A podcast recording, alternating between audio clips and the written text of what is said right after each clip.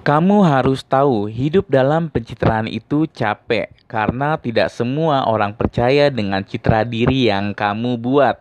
Zaman now orang-orang sudah pada pintar dalam berpikir tentang visual yang mereka lihat. Karena apa yang ditampilkan di sosial media tidak semanis di dunia nyata dan sadarlah bahwa dunia maya tak seluas dunia nyata.